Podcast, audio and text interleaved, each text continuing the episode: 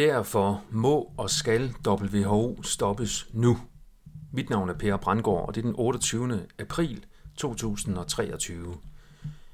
WHO pønser særdeles aktivt på at lokke Danmark til at skrive under på to juridiske dokumenter, der samlet omfatter total underkastelse for WHO. Det bliver sandsynligvis sundhedsminister Sofie Løde fra Venstre, der den 21. maj i år kommer til at beslutte, om Danmark fremover skal være et sundhedsfascistisk tyranni eller et fortsat nogenlunde frit land.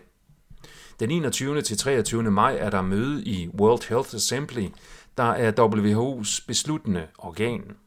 Her er der risiko for, at IHR Amendments bliver vedtaget, selvom den officielle plan siger, at det først kommer til at ske ved mødet næste år.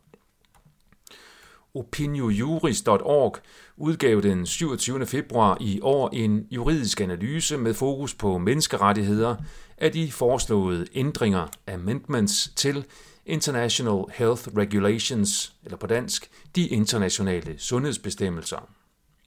Analysen peger på de konkrete dele af de foreslåede ændringer, der i en meget markant grad vil øge WHO's magt over medlemsstaterne, herunder Danmark. Blandt andet punkt 1. Voldsom udvidelse af de situationer, der udgør en PHEIC, PHEIC, der står for Public Health Emergencies of International Concern, som starter WHO's særlige magt. Det bliver dybest set fuldstændigt op til WHO selv at definere, hvornår en situation lever op til kravene. Denne glidebane startede i 2009, som Information beskrev i artiklen med overskriften, og jeg citerer, mystisk ændring af WHO's definition af en pandemi, citat slut, den 16. november 2009, hvor kravet om et, og jeg citerer igen, enormt antal af døde eller syge, citat slut, pludselig blev fjernet af WHO uden angivelse af nogen grund. Dengang var der flere i pressen og ekspertvældet, der brokkede sig, de er blevet bekymrende stille siden da. Punkt 2. Ændring af WHO's rolle over for staterne fra at give anbefalinger til at give bindende anbefalinger i en folkesundhedsmæssig nødsituation af international betydning, som WHO selv har ret til at definere, uden at skulle leve op til nogen objektive krav. Det bliver derfor umuligt at overvåge den sundhedsfaglige lødighed af WHO's beslutninger. Punkt 3. Markant udvidelse af de områder, som WHO kan bestemme over hos medlemslandene i tilfælde af en såkaldt nødsituation, til også at omfatte blandt andet produktionen af sundhedsprodukter, sundhedsinformation i medierne og på de sociale medier, det vil sige censur, digitale sundhedspas eller coronapasset, samt detaljeret overvågning til kontaktsporing. Dertil kommer, at tiltag til bioovervågning kan beordres af WHO på alle tider, det vil sige også uden for coronasæsonen, eller hvad de nu måtte finde på, at kalde undskyldningen for deres verdensregering. Analysen påpeger også det, som ændringerne ikke omfatter. Og det er blandt andet en klar definition af den situation, der kan aktivere WHO, verdensregeringen.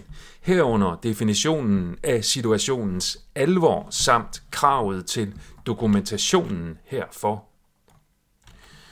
Der nævnes heller ikke noget om krav til dokumentation for effekt og sikkerhed af blandt andet de vacciner, som WHO kan tvinge for eksempel Danmarks befolkning til at tage, herunder hvem der har ansvaret for eventuelle bivirkninger. Analysen påpeger også det problematiske i, at der pågår samtidige forhandlinger i WHO om to forskellige juridiske dokumenter.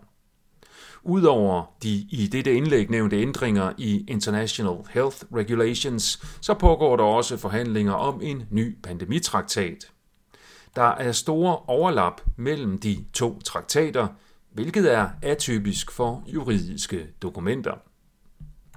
Den officielle plan for WHO er, at både ændringerne til International Health Regulations og den nye pandemitraktat bliver vedtaget ved mødet i World Health Assembly i maj 2024.